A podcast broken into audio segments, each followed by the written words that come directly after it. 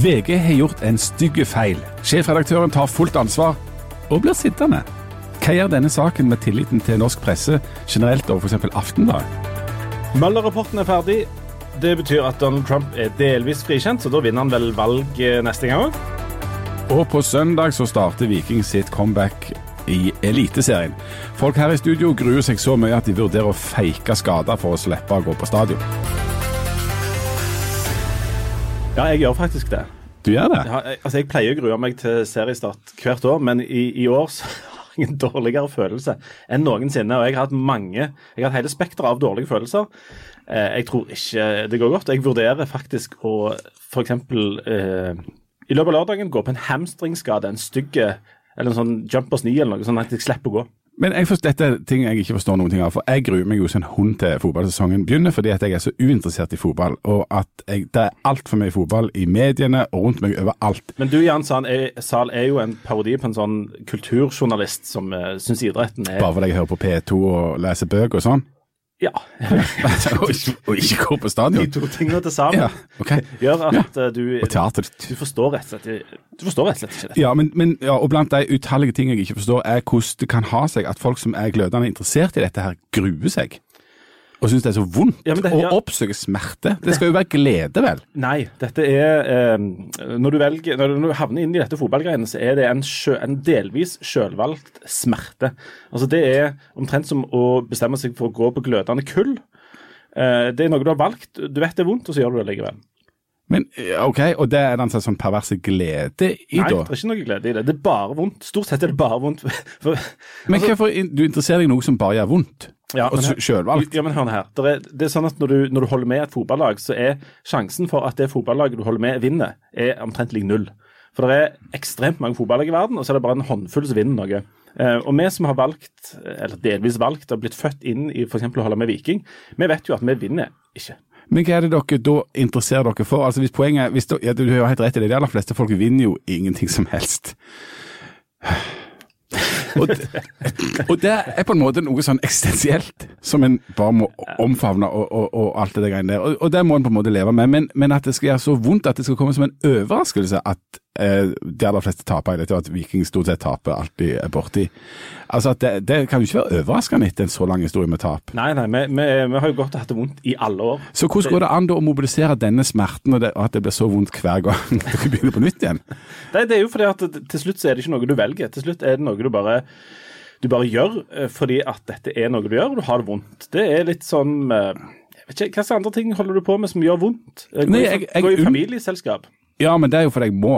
Nemlig. Ja, Men det, du må jo ikke betale tusenvis av kroner for å sette deg til å fryse bort på stadion. jo, altså Jeg kunne også gjort det gratis, men jeg velger jo å betale for det, for da er smerten verre. For da, da kan du rope ting som 'Dette har jeg betalt tusenvis av kroner for', f.eks. Og da er, da, da er den smerten av å tape 0-2 mot Mjøndalen eller Frigg eller et eller annet forferdelig, den blir bare enda verre. Men dette er jo sadomasochisme. Ja, Ok. det er det. Harald Birkevold, du har jo utrolig dårlige kne. Men, eh, Nei, det har jeg ikke. Nei, du har fått operert de nå. Du har kasta krykken og, og går som et oppreist menneske. Jeg er som Lasarus. Du er som Lasarus. Lasarus-effekten. Du, jeg har Der har jeg en, en helt kort anekdote. På Lazarus? Ja, Jeg har mange, anekdoter om Lasarus òg. Men uh, uh, jeg traff en som uh, faktisk hører på oss. Oi. Som, ja, som sa Plutselig så gjør du det. Som sa du, han der, eh, han, eh, han eh, som dere har med, han som er så skranten i helsa, han, han litt eldre. Hvordan går det Hvordan går det egentlig med han? Og han virker oppriktig bekymra for at du, Harald Birkevold, kommentator og Aftenbladets influenser, rett og slett har avgå med døden. For vi lyser vel en slags fred over ditt minne sist gang. Jo takk, altså det går i grunnen, Per. altså. Ja. Jeg, har, jeg har operert kneet. Men du er klar til seriestart? Ja, Jeg har det jo sånn som deg. Du har det? Ja, så det, det er ikke tvil om det. Um, jeg har aldri helt forstått det med de der som gleder seg til å gå på Det er ikke kjekt. Nei, altså du kan jo, det er jo håpet, da. Det er håpet. Sant? Det, som du, du tenker at det kan jo sant? Det kan jo skje en eller annen gang. Eh, og det, det er jo noe som motiverer. Sannsynligvis gjør det jo ikke det. Nei, det gjør jo ikke det. Jeg ser jo at Viking blir tippa langt nede på tabellen i år og sånn, men det, det kan overraske. Så jeg er der nå at jeg håper på at det blir en god kamp, f.eks. Det går an å håpe på. Ja, for, ja, for det, jeg, dette er jo helt totalt gresk for meg, men, men folk snakker jo om liksom spill og taktikken og at det skal være noe sånn estetisk over det. Eller at det skal være fint å se på, eller vet ikke jeg. The Beautiful Game, er det noe Ja, The Beautiful Game, ja, det der var det. Et fint angrep er ganske vakkert å se på. Ja, Så du kan få noe, kjenne bitte, bitte små glimt av glede Og i du- all smerten. Og det du da gjør, er at du ser fine angrep fra utlandet på, på fjernsynet, og så går du Så går du på på stadion, og så tenker du og så ja. tenker du åh, livet er enten for kort eller for langt å holde på med dette her. Jeg, jeg husker en gang på, på gamle, gamle stadion på Eiganes, så hadde vi sett Viking tape mot et eller annet eh, drittlag fra Østlandet. Eller kan ha vært Vålerenga eller Fredrikstad eller noe sånt. Viking hadde spilt en elendig kamp i dårlig vær. Og så når vi hadde kampen over og vi var på vei ut, så sier spiker og husk at på onsdag så spiller Viking 2 mot eh, liksom Klepp. Og så var det en som mumla Herregud, har de et to-lag òg? den, den, den der følelsen der har du jo noen ganger. Altså. Men, men eh, det, det, du har et, en kjærlighet til det laget du holder med. og det, det, det er ikke noe du bare kan velge vekk. og Det kommer du aldri til å forstå, Jan Sahl. Nei, det gjør jeg ikke. Karl Gunnar Gundersen, du har jo hatt så gode kne at du til og med har drevet og spilt drevet med idrett på, på høyt nivå, eh, men da altså ishockey. Gruer eller gleder du deg til fotballsesongen?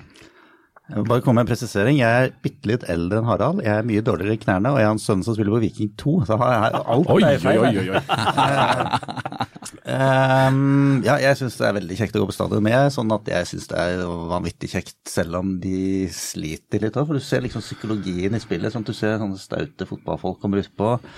Og så varmer de opp og sånn, og så får de 1-0, 2-0 eh, mot seg med en gang. Og så ser du at de faller sammen, de klarer ikke å dempe en ball. Det er masse utrolig interessant psykologi altså, i idrett. Så du så det er rett og slett her gleder Jeg, du deg? jeg syns stor Just. idrett er kjekt å se, uansett om det er på stadion, eller på foran TV, eller i DNB, eller i, i USA. Det er kjempe, idrett er kanonkjekt, sier Hans Hall. Du har gått glipp av masse i livet ditt.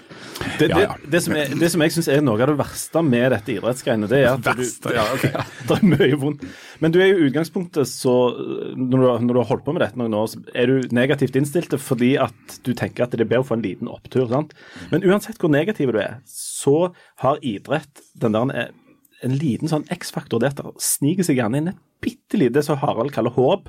Som det kommer inn en sånn liten Det kan jo faktisk være at i år blir vi det der laget som bare overrasker og gjør noe som ingen tror vi klarer. Eh, og det er så, lun, det der er så lunefullt. fordi at du begynner å tenke særlig hvis, hvis du i den første kampen, hvis de klarer å spille godt i fire og et halvt minutt og klarer å presse et eller annet forferdelig østlandslag litt bakover, så begynner det å melde seg. Du, det er ikke så verst dette her. Du, det, jeg tror faktisk dette nå blir det, Og så går det fire minutter, og så ligger det under 2-0.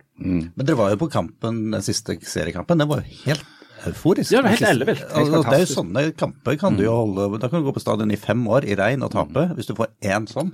Ja, men det er jo, det er jo ganske sånn symptomatisk òg, for de, de to største øyeblikkene på stadion de siste ti åra, det var brannkampen når vi unngikk å rykke ned.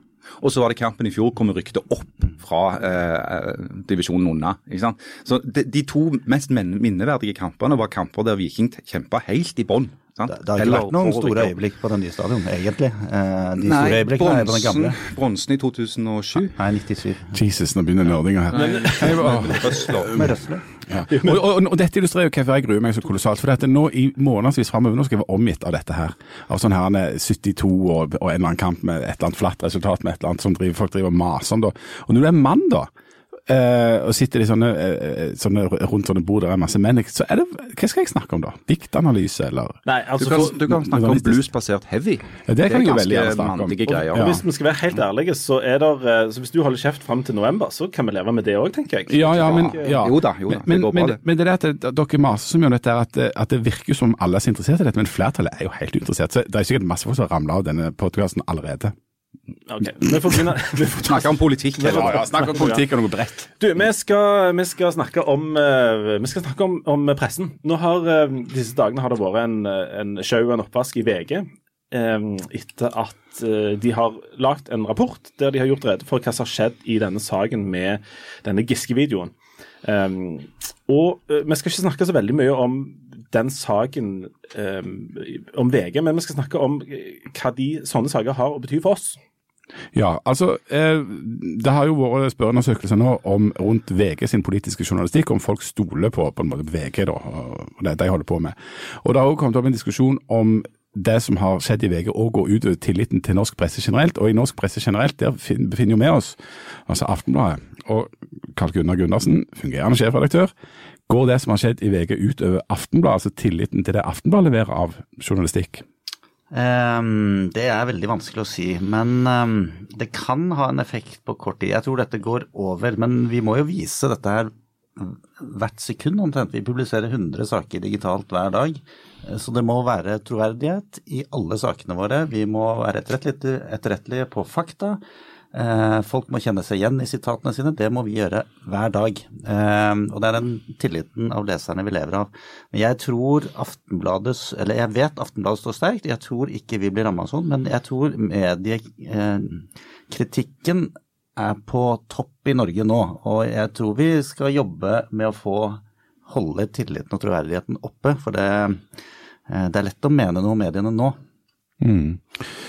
Og Harald Birkevold, du som sånn politisk kommentator så driver du reiser rundt. Det er jo landsmøtesesong blant partiene nå, og der møtes eh, kommentariatet og de politiske journalistene. og og du ser og opplever og er med på på en måte noe av det som foregår på en måte av, av journalistikk. Er du, er du betrygga og stolt når du ser eh, hvordan politisk journalistikk eh, blir bedrevet? Altså, Mener du det holder høy kvalitet, eller, eller, ser du at det er ting som det går an å, å diskutere og justere og ja, tenke over?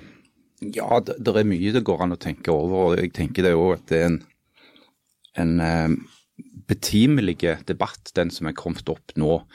Eh, det som kanskje er litt bekymringsfullt, er at den kan du si, sjelegranskingen som pressen driver på med akkurat nå, den kommer litt sånn parallelt med en litt sånn større trend. Eh, tenker f.eks. på angrepene på såkalte mainstream media, som folk som Donald Trump står for, som populister i mange land står eh, for. Og vi har eksempler på her i Norge òg, hvor du har eh, utgrupper som erklærer en slags sånn generell mistillit til de etablerte mediene, for de mener de er en del av makta. Eh, i det bildet så kan det være problematisk at det tilsynelatende er veldig det, nesten litt sånn unaturlig tett tette bånd mellom enkelte redaksjoner og enkelte partier, eller mellom medlemmer i enkelte redaksjoner og medlemmer i enkelte partier. Eh, jeg har jo selv kritisert f.eks. denne berømmelige pølsefesten som eh, Hadia Tajik og hennes eh, kjæreste hadde i anledning hans bursdag, hvor det deltok veldig mye journalister. Jeg bare si det at pøl når jeg vokste opp, så var pølsefest det var en fest med, der det ikke kom noen damer. Er det bare jeg som tenker det når jeg hører pølsefest? Det er ikke meningen å avbryte. Nei, altså, det, det, var jo masse damer til stede her. Ja, så det er ikke og, sånn type pølsefest. Altså, det, det, jeg tenker på er at det, det som er kanskje som representant for, for Aftenbladet, som er liksom litt utenfor Oslo-gryta, da, eh, når du deltar i disse sammenhengene, har lagt merke til og bare notert meg, er at det der er tilsynelatende et for, veldig fortrolig forhold mellom noen journalister og noen eh, politiske grupperinger. Eh, og jeg tenker som helt generelt eh, at det kan være greit å ha, etablere en viss avstand uh, når du skal dekke ting objektivt og journalistisk. Ja, ja og, da, og, og, I tilfelle VG nå, så har det jo ja, så har det vært et par saker i det siste nå som, som gjør at, uh, at, de som mener at det er for sterke tette bånd, spesielt til Arbeiderpartiet, de har fått mye vann på mølla. Altså, VG sin mest profilerte kommentator Fridtjof Jacobsen slutta altså i avisen omtrent på dagen fordi at han ville inn i et kjærlighetsforhold til en sentrale Arbeiderpartipolitiker. Og så går de uh, halve politiske avdeling der på pølsefest til Hadia Tajik-fløyen, og han journalisten som nå skal Kristian Skar. Ja, ja, og han journalisten som nå uh, har fått et halvt år med betalt permisjon, mm. han har skrevet bok om Arbeiderpartiet Arbeiderpartiet. Um, Uh, og der det ser ut som um, ja, der, der Trond Giske får veldig mye kritikk. sånn at liksom, Hva slags bånd har han til? eller hva slags, mm. ja. ja altså det, det, som denne saken uh, kan, altså En av grunnene til at denne saken kan være problematisk, ikke bare for VG, men for eh, kan du si, tilliten, omdømmet, renommeet til mediene, det, det, er nettopp det der at det, det kan Det er et etterlatt inntrykk som kan være feil eller riktig, men det, du får et etterlatt inntrykk av at det, i sum så, så kan en f.eks. kritisere VG for i for stor grad å ha tatt parti eh, i den striden som var internt i Arbeiderpartiet, mellom Giske, den såkalte Giske-fløyen og såkalte Hadia Tajik-fløyen. Uh, du, og Det er òg en diskusjon, ser jeg også, enkelte steder, som går på dette med bruken av anonyme kilder når du skal framføre angrep mot politiske motstandere. Er, er pressen for liberal når det gjelder å, å la anonyme kilder slippe til med kritikk av enkeltpersoner, f.eks.? Ja, for da risikerer du fort å bli en del av en slags agenda, og så er det sånne skjulte Ja, du risikerer å bli del av en agenda. Du blir et redskap for folk som f.eks. ønsker å ramme andre uten å måtte stå for det sjøl. K- Karl Gunnar, er det sånn at det er mange som tar kontakt med Aftenbladet, og, og, og der vi har grunn til å tenke at uh, her er de ute etter å bruke oss til å ta noen som de er ute etter? Altså, politikk, f.eks. Eh, ja, det er det. Eh, men vi er veldig tydelige med at hvis det er en kritikk, så eh, skal de stå for den, både med navn og bilde. Eh, det skal være av veldig stor samfunnsmessig betydning hvis vi tillater anonyme kilder, eh, eller hvis det er tett eh, tette pers altså personlige eller familiære forhold som gjør at man ikke kan stille opp i en at Ja, det kan være overgrepssaker eller lignende. Men eh, i, i, i politiske utspill og sånn, så skal vi ha åpne kilder. Og det er et problem, dette her. For det, Um, det er veldig Altså, pressen forlanger offentlighet og at alle er åpne med alle eh, bånd og sånn, men mens de eh, Det kan se ut som mange holder igjen rundt sin egen krets når de skriver, og det er ikke bra. Den pølsevesten kommer jo for folk som ikke følger det politiske miljøet i Oslo, så kom den som lyn fra klar himmel. Bortsett fra at eh, ingen i Oslo syntes at det var et problem, men alle kommentatorer rundt i, i landet mente at dette var kjempeproblematisk. Og det er et, eh, det er et problem.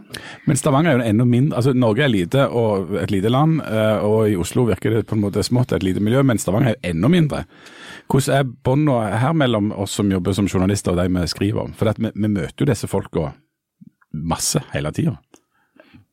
Jeg, jeg vet ikke om det går an å si noe helt generelt om det, men jeg prøvde meg på eh, en tankerekke når det gjaldt det der. For du har jo helt rett i det, Jan, at Stavanger er en liten by. Og alle har jo, til og med journalister har jo venner. Så utrolig Tro det eller ei. Eh, Snakk for deg sjøl. eh, Ja jo, men altså jeg, tenker at det å ha en viss sosial omgang med folk du kan komme til å skrive om, det er for det første ikke til å unngå, og det er heller ikke ønskelig å unngå det. Eh, For det at eh, du må være en del av samfunnet som journalist. Men hvis du, hvis, hvis du har en relasjon, sier jeg at jeg har en relasjon til en, en politiker eller en næringslivsleder, privat, som gjør at for meg er det naturlig å takke ja til f.eks. å komme i eh, 50-årsdagen til vedkommende, eller delta i et bryllup, så vil jeg personlig si at da har jeg et for tett forhold til at jeg kan eh, behandle den så, personen som en journalistisk kilde samtidig. Men eh, vi snakker i denne VG-saken om to forskjellige typer kilder. Vi snakker om de profesjonelle kildene, og så snakker vi om det som blir da omtalt som ikke-profesjonelle kilder. Hun eh, Dama som er omtalt, eh, og som er med på denne videoen, hun er en såkalt ikke-profesjonell kilde. Um, og det er jo hun på en måte som er, eh, har havna litt i trøbbel her. Og um, er det trygt for sånne folk å henvende seg til f.eks. til Aftenbladet uten å risikere å ende opp i en sånn saus som eh, dette er blitt? Ja, det er det. Det er, det er veldig trygt å henvende seg. Eh, og det er litt det som er problemet i VG-saken. Det er VG-ledelsens behandling av en lite medievant kilde. Det er et problem. Så tok det for lang tid før de beklagte, og så tok det altfor lang tid før de sletta det sitatet. Det er hovedproblemet. Eh, Men eh, kilder som tar kontakt med Aftenbladet, og stort sett i norske medier, for det skal vi si, VG er normalt kjempeflinke, og det er en veldig bred avis, og sannsynligvis så kommer de til å dominere Scoop, som er den store journalistiske eh, konferansen i kommende helg. Men i denne saken så har de klippet. Når det gjelder det ledelsesmessige, altså, mediene blir jo kritisert for at de er for lite flinke til å ta selvkritikk eh, og på en måte ja, ta inn over seg den kritikken. Og her har de da på en måte lagt seg helt flate, sagt at det har blitt begått eh, helt tydelige feil, både på, en måte på journalistnivå og på eh, ledelsesnivå, og i liksom de interne måtene de håndterer dette på. Men samtidig så sier de at dette famøse sitatet ikke er feil. Altså de står på sitt, og da har de jo på en måte ikke gjort feil i å sitere på det som var liksom hele poenget her. Er sånn, eh, også, også I tillegg så ender det opp med altså at journalisten får da betalt permisjon i et halvt år, mens eh, sjefredaktøren blir sittende. Det kan jo også se rart ut for folk der ute, med tanke på hvordan eh, pressen normalt eh, roper på at eh, toppledere bør gå og ta ansvar og, og alt i hop. Liksom, ja. Du som sitter nå og er leder her i mediebedrift. Hva vil du si til din kollega i samme konsern? Samme konsern, ja. Bør han ta sin hatt og gå? Det, det, det er jo et eksempel på at folk tar ansvar og fortsetter akkurat som før. Uh, jeg mener ikke Gerd Sverre bør gå. Um, de har fått en knekk, en tillitsknekk, um, men jeg mener ikke han skal gå på dette. Um, Uh, nå kommer Lars Selle tilbake 7. april, så Og det gleder du deg til. jeg sitter vel trygt fram til det. Um, men um, jeg mener at de har slitt med måten de selv har jobbet med denne saken underveis. De har slitt med kommunikasjonen ut, og de har gjort det vanskelig for oss andre å forlange åpenhet i samfunnet. For de har jo vært ganske hermetisk lukka selv. De har kommet med noen eh, halvkvede aviser underveis, men det har vært ganske lukka fra VG. Og det kommer vi til å merke, eh, for det kan skape presedens når vi forlanger svar fra offentligheten. Så det er et problem. Jeg tenker for min del at uh, om, om Gard Steiro må gå eller ikke, det, det hadde ikke forundra meg hvis han hadde gjort det. Uh, fordi at det er eksempler på toppledere som nærmest på egen hånd, eller fordi de blir uh, fortalt i et lukka rom at det er det rette å gjøre, sier at de, de gjør dette for å vise at de tar ansvar for en alvorlig feil som har skjedd. Eh, men når han nå blir sittende, så ser jeg ikke på det som en sånn kjempeskandale heller, egentlig. Men det som jeg syns er viktig å få fram i den VG-saken, er at jeg har sett at det har vært en kanskje tendenser til en sånn misforståelse om at den, sag, den saken dreier seg om denne kilden Sofie, som hun kalles, sa det hun sa, ble sitert på, eller ikke. Men da vil jeg minne om at det har ingenting å si. Fordi at eh, selv om hun sa eh, at det ble litt mye til Hans Garvøy, eh, så gjorde hun gjentatte forsøk på å trekke det sitatet og endre det i ettertid. Og det har VG en plikt til å respektere, fordi hun er en kilde som ikke er medievant. Eh, hvis Sofie hadde vært en medievant, profesjonell kilde, så kunne, VG kanskje sluppet unna med å si at jo, men du sa det jo. Det nytter ikke i hennes tilfelle. Så Derfor er ikke dette en diskusjon om hvorvidt hun sa det eller ikke. Om hun har blitt riktig sitert eller ikke. Det handler om hennes rolle som en ikke-profesjonell kilde som VG har et spesielt ansvar for å ivareta. Kalle, du som sitter midlertidig på toppen her og hever ei kolossal lønn. Vi gleder oss til lønnsoppgjør. Det blir sikkert kjempegodt i år. Uh, frykter du at det kan komme i etterkant av en sånn sak et sånn renn av folk som eh, på en måte sier Men det, det, jeg sa ikke det, eller jeg mente ikke det. Eller at det skal bli en sånn en ting som vi nå må kjempe med og mot? Um, jeg tror ikke det. Vi, um, men vi kommer til å se på saken, og det kan være at vi gjør noe internt der. For uh, journalistikken må utvikle seg i takt med tiden, så det kan være at vi skal gå igjennom uh, og diskutere med journalistene våre hvordan de oppfører seg i intervjusituasjoner, hvordan vi skal dokumentere, skal vi bruke enda mer lydbånd? Lydbånd, eller lydopptak, har vært brukt mest i kontroversielle saker, for å være helt sikre. Vi, skal vi bruke det mer? Det er mange ting vi kan gå gjennom, og det skal vi også gjøre. Så våren blir aktiv i mange mediehus i Norge framover. Du, denne VG-rapporten det er ikke den eneste rapporten som er lagt fram den siste uka. Borti Amerika, der etter 22 måneders arbeid, så la altså Bob Det er, faktisk, det er faktisk mer tid enn de brukte i VG. Um, enda mer tid enn de brukte der. Så la Bob Mueller, Bob fram en rapport som veldig veldig få folk har, har sett, for, som da skulle finne ut altså om president Donald Trump samarbeider, eller hans valgkamporganisasjon samarbeider med russerne eh, for å vinne valget, og om det har i etterkant vært om man har prøvd å hindre å uh, få fram på en måte sannheten om hva som har skjedd. Og Siden jeg fikk nerda litt om fotball, så overlater jeg nå bare dansegulvet til deg, for dette er, er for langt vekke for meg. Ja, og det, det er veldig tett meg. Ja, og Harald, du gleder deg når jeg ser det på deg. Um, det vi må vel kunne si, det var For dette, dette har vært en rapport som demokratene og store deler av verden på en måte har sett fram til da, for at nå skulle, på en måte, nå skulle det bli dokumentert at, at Trump hadde gjort noe virkelig galne ting. Så legger han fram den rapporten. Justisministeren presenterte fire siders notat der det står at konklusjonen er at, at, Trump ikke samarbeider med russerne. Og når det gjelder dette om han har obstruert sannhet i ettertid, så går ikke an å konkludere på. Det, det, det, det finnes ting som taler for begge veier. Dette var, Harald, vel en stor skuffelse en, altså for, for demokratene og en slags seier for Trump. Kan vi ikke si det sånn? Jo, helt åpenbart en stor skuffelse for mange demokrater og mange i de såkalt liberale mediene som hadde nok håpt på at eh, de nå ville få en form for eh, et, et bevis eh, med stor autoritet for det mange lenge har påstått, at Trump og hans organisasjon både har løyet og manipulert når det gjelder sitt forhold til russerne. Så det er klart. Og det er òg en stor politisk seier for Trump, fordi at han bruker jo den, særlig nå som ingen, ingen har lest rapporten, uh, kun det der firesiders notatet fra William Barr, altså justisministeren, uh, som en form for sånn total renvaskelse, som, som Trump mange ganger har kalt det.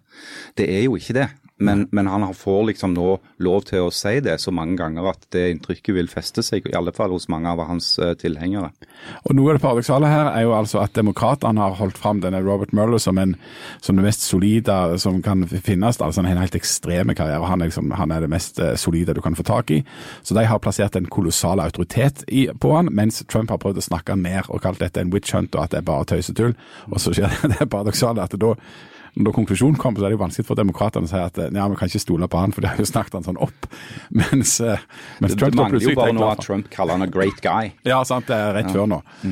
Um, men men det, altså, hva er konsekvensene uh, framover nå, tror du da, altså? Um, Nei, altså det, det første som kommer til å skje nå, det er jo at det vil bli forsøkt gjennom med forskjellige virkemidler å få den rapporten offentliggjort i sin helhet. jeg får snakke meg om åpenhet. Du skulle jo trodd at det skulle være åpenhet om en sånn en granskning. altså f- Folk fikk, finne, fikk høre hva de, han fant ut. Ja, eh, men så enkelt er det ikke. fordi at det er mange sterke krefter, spesielt Det hvite hus og Trump-organisasjonen, som ikke ønsker at hele rapporten skal bli offentliggjort. For der, uansett hva den munner ut i av konklusjon, eh, så vil det jo være en masse detaljer der som ikke nødvendigvis er eh, noe de ønsker skal komme ut. Om møter, tidspunkter, personer, hvem snakket med hvem, hvem visste hva, når osv. Det kan òg være innhold i den rapporten som forteller f.eks. om eh, Trumps eh, evner som leder, som eh, kanskje ikke vil være veldig flatterende for han. Så, men det vil iallfall bli gjort en rekke forsøk på mange ulike felter for å få denne her rapporten ut. Altså kan Kongressen kommer til å forlange den utlevert. Da vil jo noen kunne lekke den. Eh, medieorganisasjoner og andre interesseorganisasjoner på sivil side kommer til å gå til sak for å få innsyn i rapporten og bruke offentlighetsloven som argument osv. Eh, Så Det er jo det, den e- det ene sporet. Eh, Og Det andre sporet går jo på dette med Det har allerede kommet kritikk mot justisministeren fordi at han så raskt konkluderte med at de ikke ville eh, forfølge sporet som gjaldt dette med obstruction of justice. Altså, Og, ja, og det er jo, det er jo, det de snakker om det, er jo altså at Møller brukte 22 måneder på, med, altså med en enormt masse sånn kompetente folk, 22 måneder på å ikke klare å konkludere i den ene eller den andre retningen, mens justisministeren leser gjennom dette og klarer på 22 timer å konkludere. Godt Ja. gjort. Ja, ja. og det, det er jo klart at Noen sier da at han ble jo selvfølgelig utnevnt av Trump. Etter å ha uoppfordra levert et notat til Det hvite hus der han mener at presidenten ikke kan stilles for retten. Det høres fantastisk ut. Du, for, for uh, si, si en enkel gutt for oss òg, så kan det virke som om denne Trump vinner ganske mange sånne små seire og får Ja, dette er ikke en sånn- liten seier, dette er en stor Ja, seier. men har han ikke vunnet egentlig Han har, vunnet ganske, han har fått til ganske mye. Uh, altså Han har utnevnt to høyesterettsdommere som kommer til å sitte en generasjon og gjøre at den høyesteretten har et, et eh, flertall som er alt annet enn liberalt.